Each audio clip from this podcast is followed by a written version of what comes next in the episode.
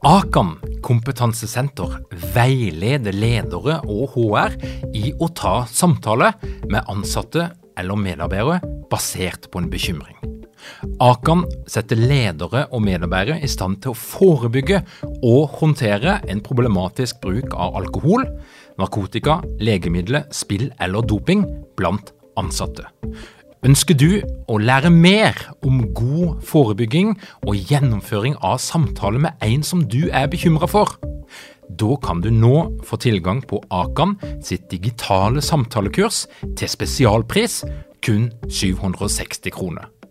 Målet med kurset er å gjøre deg tryggere i det som kan være en krevende, men viktig samtale å ta i lederrollen. Du får tilgang til kurset med å gå til samtalekurs.no, samtalekurs.no, og bruke kampanjekoden LEDERPODDEN. Tilbudet gjelder ut april. Dette er en podkast fra Execu. Vi hjelper organisasjoner å utvikle enda bedre ledere og ledergrupper. Lær mer på execu.no.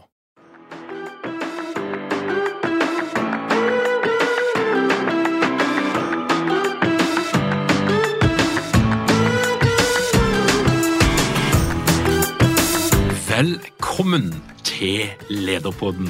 Mitt navn er Tor Åge Eikerapen. Jeg jobber som organisasjonspsykolog med leder- og ledergruppeutvikling i Execu. Og dette her er en podkast om ledelse. Aldri før har vi hatt høyere forventninger til ledere og selskapets evne til å ta samfunnsansvar gjennom gode etiske valg. Allikevel så ser vi at både politikere og næringslivsledere feiler gang på gang, og de blir straffa med massiv negativ oppmerksomhet, om ikke annet. Med krig og konflikter på mange kanter, en miljøkrise, så blir det enda vanskeligere å navigere i dette etiske landskapet. Og for å få hjelp til å ta bedre etiske valg i organisasjoner, så jeg sett meg nødt til å ringe en filosof, og ikke hvem som helst. Men først skal du få et par ord fra Ellen Holt, tidligere deltaker på lederprogrammet, som i dag jobber som leder i Sveko. Ellen, var det verdt det? Ja, det er skikkelig kult, faktisk. For den følelsen sitter jeg Det er så eh, tydelig for meg at det her angrer jeg ikke én krone på. Så jeg kjørte jo full pakke. Ambisiøs og personlighetstest og alle moduler. Og jeg har hatt så god nytte av det. Jeg jobber jo med mennesker. Eh, masse mennesker. For jeg jobber også parallelt i mange prosjekter og dealer mye med mellommenneskelige ting og tang. Så jeg har fått veldig mye av lederprogrammet i form av konkrete verktøy. Og jeg satte også veldig pris på de breakout roomsene, hvor jeg fikk eh, på en måte kjørt meg litt da, i kleine situasjoner med andre.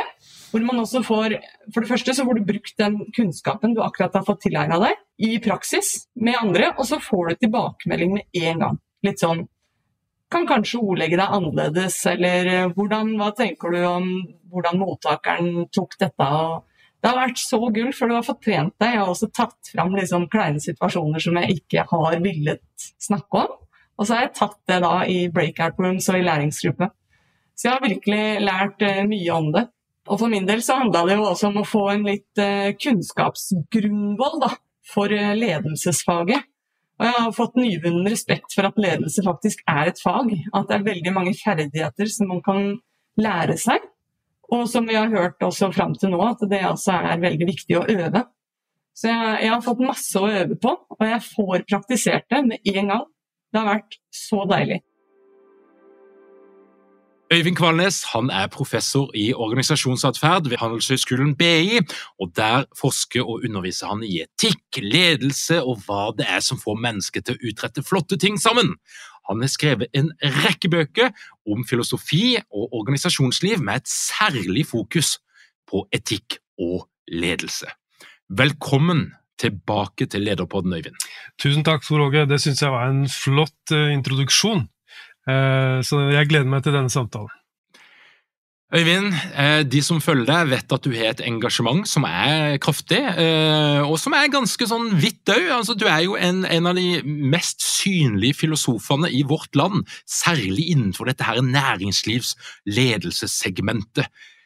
Men hva er det som driver deg? Hva er din faglige lidenskap? Jeg har en stor nysgjerrighet. Jeg, har, jeg syns jeg har havnet på et helt fantastisk sted i min karriere, hvor jeg jevnlig får treffe beslutningstakere i privat og offentlig sektor som eh, står midt oppi krevende utfordringer hele tida. Eh, og da jeg studerte filosofi på Blindern i forrige århundre, så hadde jeg jo aldri forestilt meg at jeg skulle havne et sånt sted, fordi da var jeg en del av et filosofimiljø som likte å holde armlengdes avstand til alt som uh, handlet om samfunn og næringsliv og den slags. Vi skulle på en måte trekke oss tilbake og tenke dype tanker, slik som Platon hadde gjort.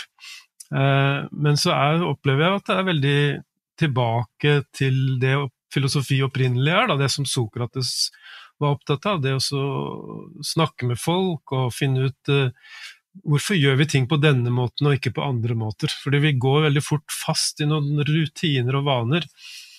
Og filosofi kan hjelpe oss til å liksom, studere disse vanene og rutinene litt fra utsiden, og så prøve å gjøre noe med det. Øyvind, vi lever jo i en spennende tid, eh, det må jeg si. Er, jeg kan ramse opp noen sånne saker som, som nettopp har vært. Altså, hvis du er på SAS-loungen på Gardermoen, så vil du se at Pepsi-tårnet er stengt pga. Pepsis tilstedeværelse i Russland. Eh, nettopp nå i helga var det en sak på NRK der var det skilandslaget som fikk kritikk for å være sponsa av Equinor, som, som miljøorganisasjonene mener bidrar til at det blir mindre snø å utøve idretten på. Um, og For et par uker siden så skrev Isabel Ringnes og Celise Skaar en kronikk i DN om næringslivets dobbeltmoral. De kritiserte norske selskapet for å ikke ta stilling og fordømme Israels nedslaktning av sivile palestinere på Gaza, mens de på den andre sida gjerne heiste flagget til topps når det gjaldt å fordømme Russlands invasjon i Ukraina.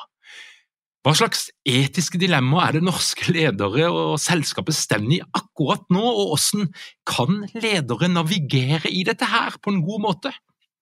Jo, det som jeg syns eh, er spennende med eksemplene dine, det er jo at uh, det handler om at det finnes en forventning om at vi er det som fint kalles konsistente. da. At når vi først mener noe her et sted, og følger et prinsipp, så er det en forventning om at da følger vi det samme prinsippet her borte. At vi ikke er selektive og sier ja, på mandager har jeg et prinsipp, og på tirsdager har jeg et annet prinsipp. Uh, så det er en forventning om at vi følger og har Det er noe med å ha integritet, og det handler jo om å følge de samme Altså ha den samme innstillingen i å følge de samme prinsippene i helt ulike situasjoner. Uh, og, og, jeg syns det er spennende at uh, både journalister og andre uh, samfunnsaktører tar tak i dette. Og sier men hvordan kan dere mene det her, når dere mener noe annet her borte? Um, så det er, det er, eh, plass til å, å, navigere i dette feltet. Og jeg tror ofte at uh, ledere og andre beslutningstakere følger magefølelsen og har noen impulser på hvordan de skal løse ting. Uh, og impulsene kan føre deg rett på rett sted, eller impulsene kan føre deg helt på ville veier. Uh, så det er derfor jeg jobber mye med hvordan ledere kan forberede seg, tenke gjennom ting, eh, lytte til hva andre har å si, og så bruke tid på å sette seg ordentlig inn i ting før de liksom, skyter fra hofta eller bare impulsivt eh, kommer med en eller annen beslutning. Da. Før eh, intervjuet starta her, så, så, fortalte du en liten historie fra et land der du hadde vært og, og undervist og snakka med, med ledere, og jeg syns den historien setter det problemet som jeg tror mange ledere kjenner på. Jeg, jeg kjenner på det sjøl, det må jeg helt ærlig innrømme. Uh, men, men, fortell litt, hva, hva var det som gjorde inntrykk på deg? Jo, jeg var og underviste en gjeng med ledere i et europeisk land, vil jeg si. Ikke i Norge, ikke i Norden.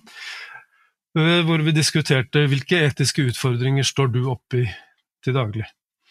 Og da var det en leder som jobber med sånn sprøytemidler til, til jordbruket. Og han fortalte at uh, selskapet hans overbeviser bonden om at de, de trenger å sprøyte jorda si fem ganger. Selv om de vet at to ganger er nok. Så, så, han sa ja, jeg må innrømme at jeg, inn, jeg bidrar til overforbruk av uh, sprøytemidler. Og vi vet uh, de negative konsekvensene av det, at jorda etter hvert blir brakk og ikke kan brukes til, til jordbruk. Så sa han to ting. Det ene var hvis ikke vi gjør det, så gjør konkurrenten vår det. Og for det andre så finnes det ikke noe regelverk i landet vårt som sier at dette er ulovlig. Så vi har lov til å gjøre det, og det er lønnsomt å gjøre det, og hvis ikke vi gjør det, så gjør konkurrentene våre det. Men denne lederen som delte den historien, han, han had, fikk en slags aha-opplevelse der han satt, og han var ekstremt modig, vil jeg si, som delte det i en forsamling av 30 andre ledere. Men jeg har tenkt etterpå at jeg, jeg tror det han står oppi, er noe som mange kan kjenne seg igjen i. Da. At de eh, kanskje er blitt vant til å gjøre ting på en bestemt måte, og så når de tar et skritt eller to tilbake, så ser de at ja, men det jeg er med på, er jo faktisk ganske grove saker. Da. Og Er ikke dette her litt sånn kjernen av problemet for mange ledere? Det er jo profitt, tilfredsstille aksjonærer, skape de store overskuddene, versus det å ta samfunnsansvarlige, gode valg. Absolutt. Altså jeg kan jo f.eks. nevne at den softwaren som vi spiller inn denne podkasten på nå, det er en israelsk software. Og dagen eh, etter mm, terrorangrepene i Israel så sto det sånne store bannere 'We stand with Israel'. De ble fjerna eh, noen dager etterpå, men det er jo bare et eksempel på at det, det er krevende i det store og i det små. Det er definitivt krevende både i det store og i det små. Eh, som du vet, så har jeg vært med på å utvikle noe som heter navigasjonshjulet. Som jeg prøver å vise fram her nå. Som er eh, et verktøy hvor vi prøver å vise fram at det er ulike hensyn å ta. Da. Og det, det, som jeg opplevde både da jeg snakka med denne gruppa i dette europeiske landet, og som jeg opplever ellers òg, er at eh, mange innenfor næringslivet er vant til å tenke har vi lov til å gjøre det, er det god business å gjøre det, og kanskje også litt opptatt av omdømmet, hvordan vil det se ut for andre. Uh, men at det er for begrensende, tenker jeg da. At uh, vi må ha en forventning om at vi har ledere som også ser det store bildet, og ser, tenker ansvarlighet og langsiktighet. Og langsiktighet er kanskje et, et, et nøkkelord her, også, hvor også etikken og økonomien går litt sånn mer hånd i hånd, tror jeg. Og jeg nevnt, har nevnt denne her eh, sprøytemiddelsaken uh, i, når jeg har vært i Norge og snakket med folk som er innenfor samme feltet. Uh, og de sier jo at uh, det er dårlig business da, å, å få bonden til å oversprøyte fem ganger, fordi da mister vi kunden. Etter hvert, etter noen år, så er kunden borte, så vi må være på lag. så hun jeg snakket med, hun sa at her er det egentlig både langsiktig økonomisk gevinst og etikk som, og samfunnsansvar som trekker oss i samme retning. For vi vil jo på sikt tape. På, også vårt firma vil tape hvis eh, bonden plutselig ikke kan eh, dyrke jorda si. Da. Mm. Jeg vil jo anta, der du, din egen arbeidsplass, eh, BI, du kan vel av og til stå oppi noen sånn type etiske dilemmaer der òg. Altså, hvem skal en eh, lage programmet for? Hvem skal få lov til å komme til oss? Hva, vi, hva slags kunnskap skal de få når det gjelder etikk? Hva, hva slags dilemma kan du oppleve? Jo, vi har jo en, en løpende diskusjon om eh, hvordan etikken skal integreres da, i de tenkemåtene som finnes ved en handelshøyskole. Og jeg har jo nevnt denne episoden, dette sprøytemiddeleksempelet, for kollegaer her også, som er fra andre fag, og de sier at ja, problemet i det samfunnet du beskriver, er at lovverket ikke henger med. Uh, og så sier de at uh, hvis det dukker opp noen etikkgreier i de sakene vi jobber med, så sier jeg da må dere gå til Øyvind og snakke med han om det. Og det syns jeg er veldig irriterende, fordi jeg tenker at uh, det er noe annerledes en, Hvis du står i et jusproblem, så bør du ringe til juristen. Eh, men hvis du står i et etikkproblem, så må du klare å finne ut av ting selv. Gjerne lytte til andre, og gjerne ta med andre på råd. Men, men et, etikkfaget er ikke et sånt profesjonsfag hvor du kan liksom sette bort etikken til eh, oss som har bakgrunn der. Da. Vi, vi må kunne hjelpe våre studenter og, og, vise hvordan ledere kan nøste opp i ting selv, og finne ut av ting selv, og ta de ansvarlige beslutningene selv. Så jeg har ikke blitt lyst til å være et sånt uh, alibi, på en måte. Men det er en veldig etterspørsel etter det. Altså jeg, Min kompetanse Vi ringer til Øyvind, og så hører vi om det er greit å fortsette å drikke Pepsi, eller uh, om vi burde boikotte Freia. Jeg, jeg nekter. Jeg kunne gått inn på det og fått eh, sikkert tjent masse mer penger, men jeg nekter å være sånn alibi for at dette er en smart ting og dette er en klok ting eller samfunnsansvarlig ting å gjøre. Da. Ja. Det er altså en ledig stilling som moralsk orakel, ja. Eh, og det er etter, stor etterspørsel. Absolutt, det er stor etterspørsel. men, men, la oss gå tilbake til det argumentet som, som jeg kan kjenne på sjøl av og til. Altså, ja. det, det, er noen kunder som kan være mer kontroversielle enn andre. og, og da kan en jo lande på den at ja, hvis ikke vi gjør det, så er det noen andre som gjør det. Og sett inn i en uh, moralfilosofisk sammenheng? Er det et holdbart um, moralsk uh, argument, eller en, en, et rasjonale som, som uh, holder vann? Det kommer jo an på konteksten, tenker jeg, men, men uh, stort sett ikke. Det som et sånt argument heller høres ut som, er en bortforklaring. Og dette er noe som vi studerer innenfor det feltet som heter moralpsykologi, hvor vi sier at Eh, noen ganger så får vi noen muligheter til å gjøre ting, og så gir det oss litt sånn dårlig smak i munnen. Eh, vi opplever moralsk dissonans. Det er krasj mellom det vi ønsker å stå for, og det vi er fristet til å gjøre. Den opplevelsen av moralsk dissonans kan gjøre at ja, men da, da gjør vi det ikke, da stopper vi der. Eller så kan vi starte på noe som kalles moralsk nøytralisering, og det er liksom forsøk på å finne bortforklaringer som gjør at det er greit å fortsette likevel. Og det med å si at hvis ikke vi gjør det, så gjør noen andre det, det er en typisk sånn moralsk nøytraliseringsstrategi, tenker jeg da. At uh, du, du uh, finner et påskudd eller en, en unnskyldning for at uh, det som skurrer internt, det kan du se vekk fra, fordi at dette kommer jo til å skje i verden likevel, og da er det bedre at vi gjør det enn andre gjør det. Nå ble jeg litt sånn, ja, da, da, kan vi ikke bruke den lenger. Hva, er, det noen andre sånn type nøytraliseringsstrategier som er, er, vanlige? Ja, det er flere. Uh, en sier at uh, en går ut på at har, det er ikke mitt ansvar, jeg gjør egentlig bare det jeg får beskjed om. Og jeg gjør det, og jeg har, lojaliteten min ligger hos eierne. De har gitt meg denne stillingen, så jeg må gjøre, maksimere profitt for dem. Så jeg skylder dem noe tilbake så er det også en, en nøytraliseringsstrategi å peke mot kritikerne og si at de skjønner ikke hva de snakker om. Ehm, de er ideologer, de er kommunister, de er det, det ene med det andre. Da. Og det, der, det har jeg faktisk fått høre nylig, den, den derre kommunistargumentet.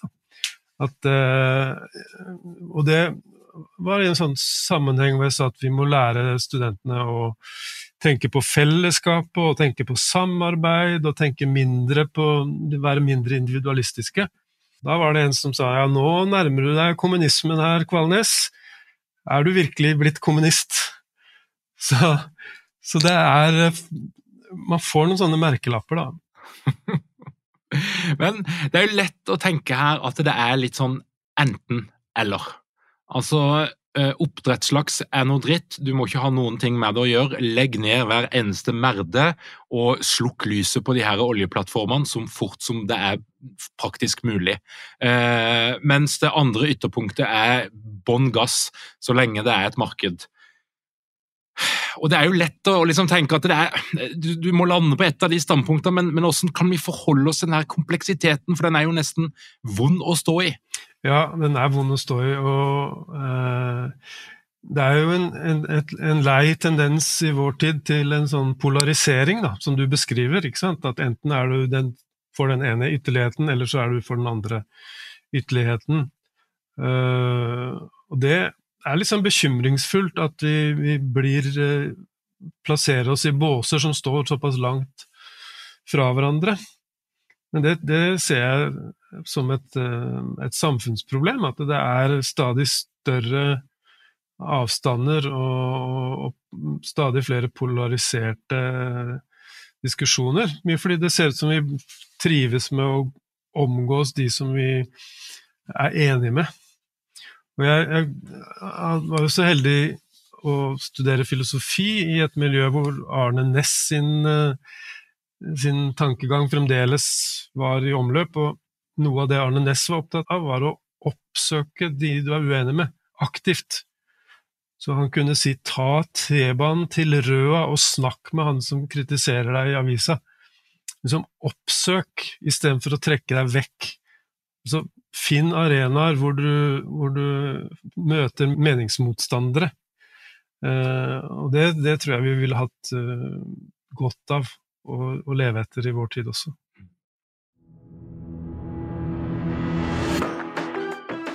Har dere mange ledere uten trening eller utdannelse innen ledelse? Mangler dere en felles kultur og praksis for ledelse? Ønsker dere å være bedre rustet for fremtidig vekst og endring? Da kan et internt lederutviklingsprogram være en god investering. I Execu så er vi eksperter på å designe og gjennomføre bedriftsinterne lederutviklingsprogram. Hvis du ønsker å lære mer om hvordan vi kan hjelpe dykken til å få enda bedre ledere, ta og klikk deg inn på execu.no.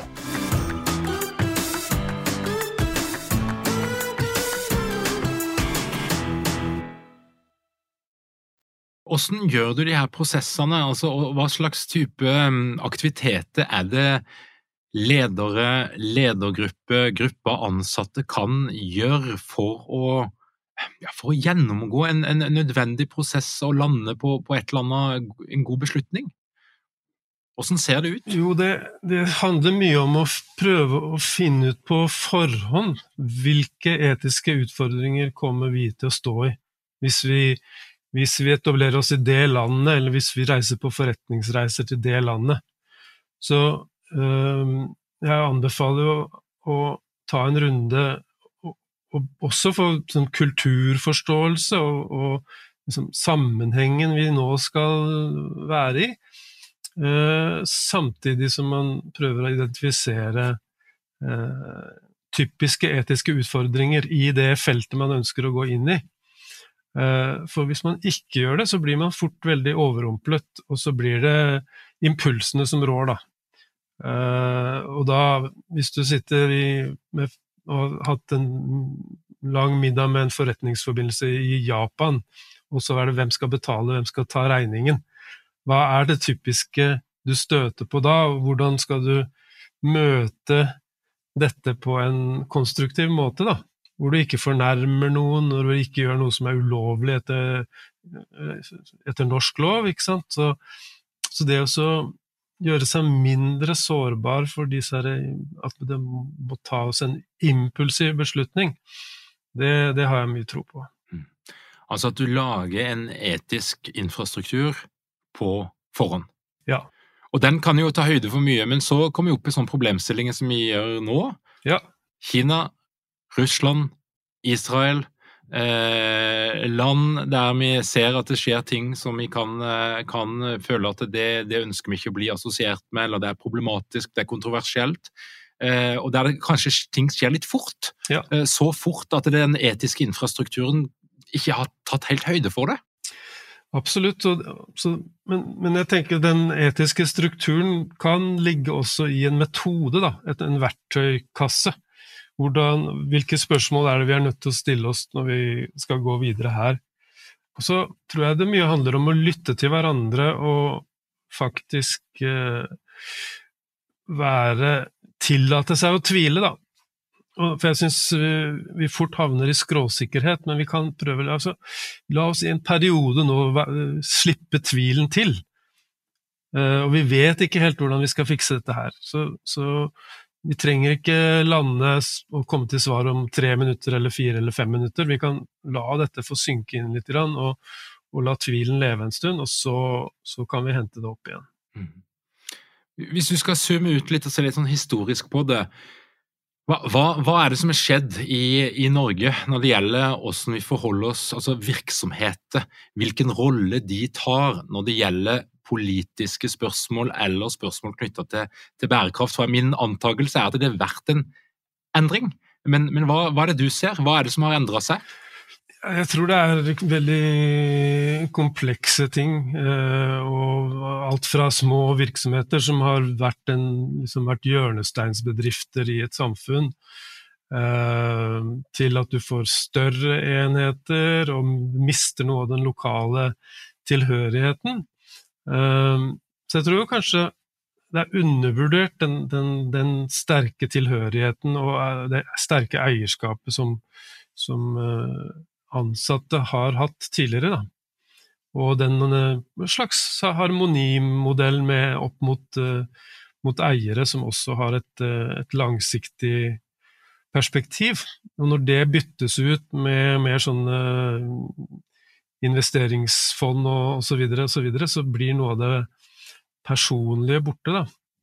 Uh, og det kan, det kan være en utfordring. Samtidig som etter hvert også er toppledere som, som, løfter fram samfunnsansvar som noe avgjørende, og som eh, gjerne vil ha organisasjonen med på at eh, det, eh, det, er noe som er viktigere enn eh, bunnlinja, og uh, maksimere profitten, da. Mm. Her er det jo mange problemstillinger. Det ene er jo eh, sånn type oppkjøpsfond, eh, multinasjonale selskaper som kommer inn og eier norske selskaper, men òg globaliseringa som vi snakka om i mange, mange år. Men vi kommer altså opp i en situasjon der vår eh, norske kulturelt betinga oppfattelse av rett og galt kan fort krasje litt med sånn som det oppleves et annet sted på jorda. Og hvordan kan en deale med dette her? Altså de her ulikhetene i hva vi opplever som god etikk eller god moral, og så blir vi jo litt sneversynte kanskje av og til. Ja, og jeg tror det er eh, Jeg følger veldig den eh, analysen din på det, og jeg tror uh, igjen da at uh, Arne Næss sin idé om å oppsøke meningsmotstandere, eller oppsøke de som har andre oppfatninger enn deg sjøl, eh, er veldig rikt og verdifullt eh, i dette her. Fordi du kan sitte langt unna og ikke helt forstå den mentaliteten, eller forstå den eh, inngangen til ting, og så kan du kanskje lære noe av det ved å komme tettere på. og Uh, bruke tid sammen, rett og slett, da, for, å, for, å, prøve å forstå mer. Mm. Når du reiser rundt og møter ledere, hva, hva er det du ser, og, og, glad er de i å stoppe opp, ta ulike perspektiver, tvile? For, for, for jeg tenker jo at det er, det er, noe litt sånn motstridende med det og den der lederstereotypen som er mer framoverretta, aksjonsretta, få ting gjort og la det skje kjapt. Ja, altså, Som du vet så jobber jeg mye med ytringsklima på jobb, og det, det jo, henger jo tett sammen med, med, etikken her. Så hvordan uh, snakker vi sammen her? Og uh, noe av det vi vet fra forskning, er jo at ledere har høyere tanker om ytringsklima på jobb enn det medarbeiderne deres har. Så en leder kan tenke at hvis det er noen her som opplever at vi går over streken, eller at det er noe kritikkverdig som foregår, så vil jeg få høre om det. Eh, og så spør vi medarbeiderne deres, og så sier de noe helt annet. At eh, dette vil vi være varsomme med å trekke opp og, og, snakke om, fordi det kan være et dårlig karrieretrekk, eller eh, det kan være det siste jeg gjør i denne bedriften. Hvis jeg har motforestillinger til den planen eller den måten å gjøre ting på, så kan det hende at jeg rett og slett blir kibba ut. sånn at de som ofte ender opp med å ta de tøffe samtalene, er jo folk som allerede har bestemt seg for å slutte. som har tenkt at jeg skal, jeg skal ikke, det er ikke her mitt liv skal fortsette likevel, så da kan jeg utfordre. Så, så jeg tror det er eh, Vi trenger å bygge opp en trygghet også hos de som har tenkt å være lenge i bedriften. På at her trenger vi friksjon, her trenger vi uenighet, her må vi ha opp motforestillingene. Hvis ikke så går vi oss blinde i noen uh, retninger her. Og det tror jeg går langt utover etikken. Det kan jo handle om måten du driver forretninger på, også forretningsideer, nye ideer, innovasjon. Alt dette her er jo avhengig av at vi får opp friksjonen og får opp uenighetene. Uh, og ikke går og gjemmer oss med en gang vi hører at noen er uenig med oss eller har motforestillinger. Da. Så dette er jo mye videre enn bare etikk, men, eh, men uh, veldig, veldig viktig, tenker jeg.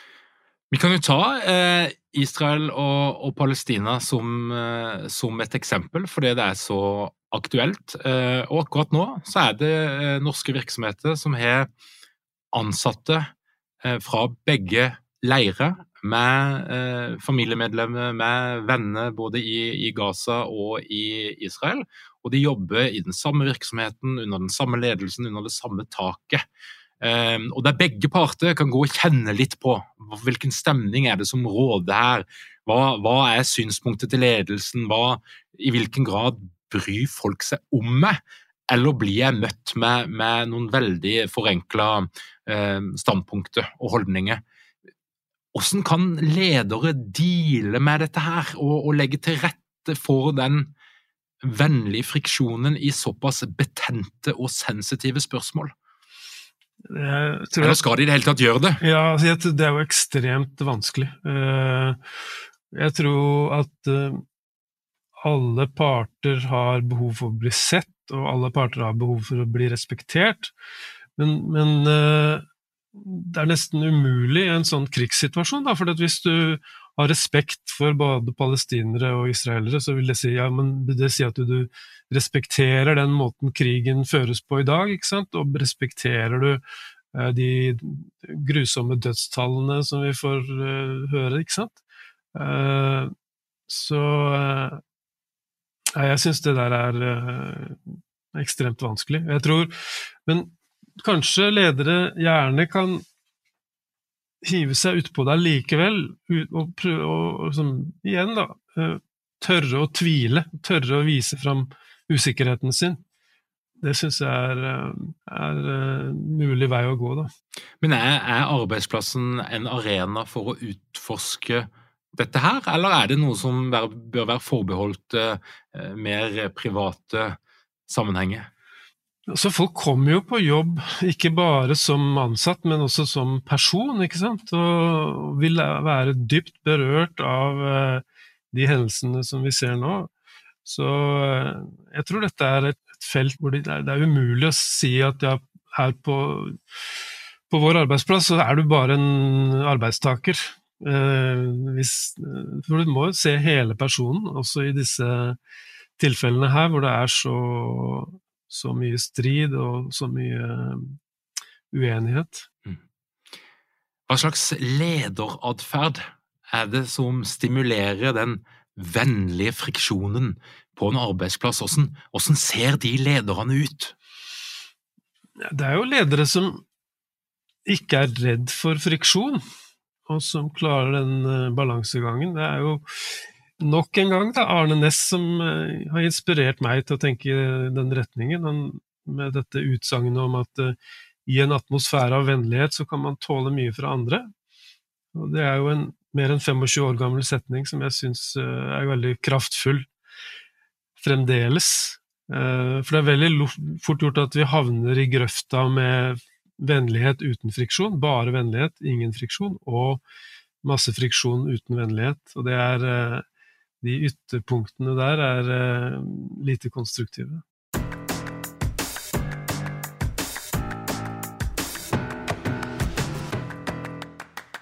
Er det noe du har lyst til å melde ut til lederne som hører på Lederpodden, som jeg ikke spurte om? Jeg tror det handler om å, å være modig. Altså tørre å gå inn i eh, de krevende situasjonene. Og ikke vente med det, for jeg tror jo lengre du venter, desto tøffere blir det å gå inn i de.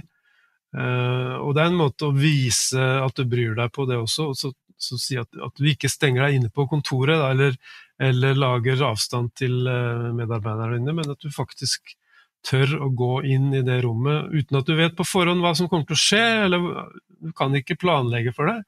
Uh, men det er en, en form for risikofylt lederatferd som jeg tror kan være viktig å praktisere i dag. Øyvind, tusen takk for at du kom til Lederpodden. Og så må jeg oppfordre alle om å sjekke ut bøkene dine, for dette her er jeg vil si lett tilgjengelig lederfilosofi som adresserer nettopp noen av de tingene som virkelig er vanskelig nå. Er det ei bok du vil særlig anbefale? Det er jo ei som er kommet i vel mange opplag, Øyvind, siden eh, ja, i flere år. Mm, ja, tenker du på denne? Ja, det gjør jeg. Se gorillaen. Etikk i arbeid. Den eh, den er blitt en traver, da. Den er det. Eh, og den tar jo litt for seg det vi har snakka om, det med at man kan bli blind for sine egne etiske utfordringer. At man må ta et skritt tilbake for å virkelig oppdage at de er der. Tusen takk for at du kom til Lederpodden, Øyvind. Tusen takk for invitasjonen, Tor Åge. Takk for praten. Til deg som hører på, hvis du er nysgjerrig på alt som skjer i vårt lederunivers, da kan du komme deg inn på lederpodden.no, trykk på den rette knappen, legg igjen din e-postadresse, og du vil få vårt nyhetsbrev i din innboks hver eneste fredag. Denne episoden er skrudd sammen av Emil Kulsvehagen. Takk for at du hører på Lederpodden. Vi høres igjen om ei uke.